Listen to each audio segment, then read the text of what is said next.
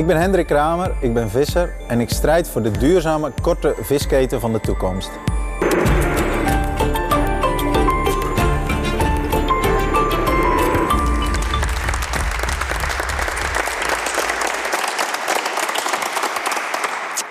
Ik was 19 jaar oud toen ik van de opleiding kwam en op mijn vaders visserschip kwam te varen.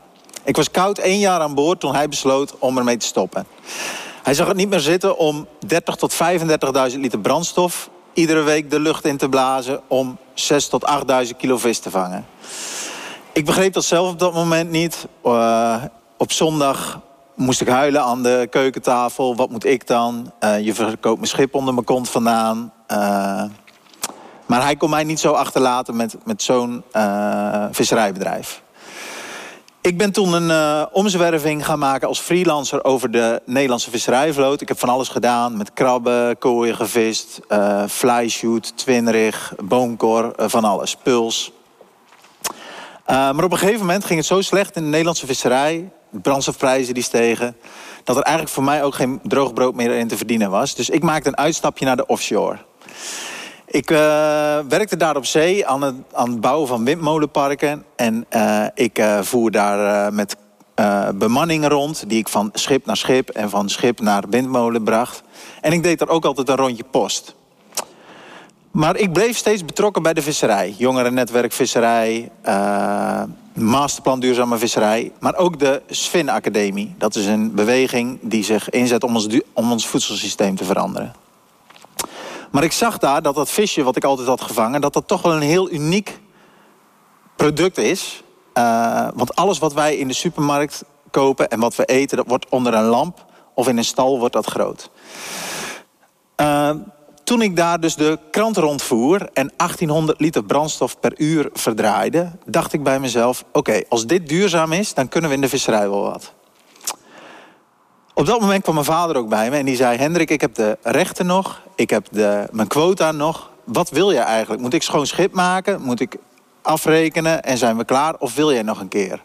Nou, met dat in het achterhoofd dacht ik... oké, als we op de voet van Masterplan Duurzame Visserij... verder gaan, 80% brandstof besparen... een elektrisch voortgedreven visserschip bouwen... dan zijn we duurzaam en dan kunnen we in de Nederlandse visserij nog wel wat betekenen. Zo gezegd, zo gedaan. We hebben het schip laten bouwen. Eerste drie jaar uh, mee gevaren en het ging hartstikke goed. Want op het moment dat wij in de vaart kwamen... kelderden eigenlijk de brandstofprijzen en de visprijzen gingen omhoog. Na drie jaar met het schip gevaren te hebben, toen kwam de bank bij ons en die zeiden... nou, die, die, die droom van transitie die jullie hebben als masterplan duurzame visserij... voor de Nederlandse visserijsector, willen jullie die niet voortzetten? Dus als masterplan zijn we op zoek gegaan naar andere vissers... die ook een grote oude schip in wilden leveren... en een elektrisch uh, lichter schip uh, terugnemen. Na een zoektocht bleven er twee uh, gegadigden over en we gingen over om die transitie voor te zetten. In 2019 kwam ik in de vaart met de NDV2. De NDV1 was een prototype. en dat was wel een moeilijk moment dat ik in de vaart kwam, want het zou in de winter zijn. Nou, met dit type schip, dan ben je erg seizoensafhankelijk, weersafhankelijk. Maar ik dacht, ik ben jong, iedere mooi weerdag die er is, uh, al is het in het weekend, daar kijken we niet naar. En dan worstelen we die winter wel even door. En dan begint de zomer en dan kunnen we de kop eraf varen. Want we hadden natuurlijk alles weer afgefinancierd.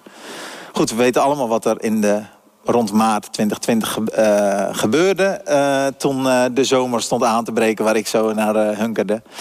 En nou, gingen alle restaurants dicht. Corona legde dus eigenlijk onze zwakheden bloot. En mijn uh, zwakte is dat mijn vis verdwijnt in de anonimiteit. 90% van alle vis die ik vang, die gaat de grens over.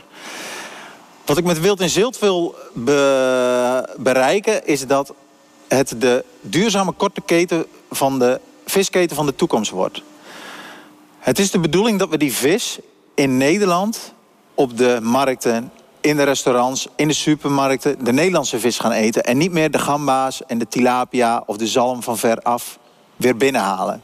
Met Wild en Zilt gaan we het schip ieder jaar terughalen naar Amsterdam... om direct de klanten te leveren de vis die ze gecrowdfund hebben.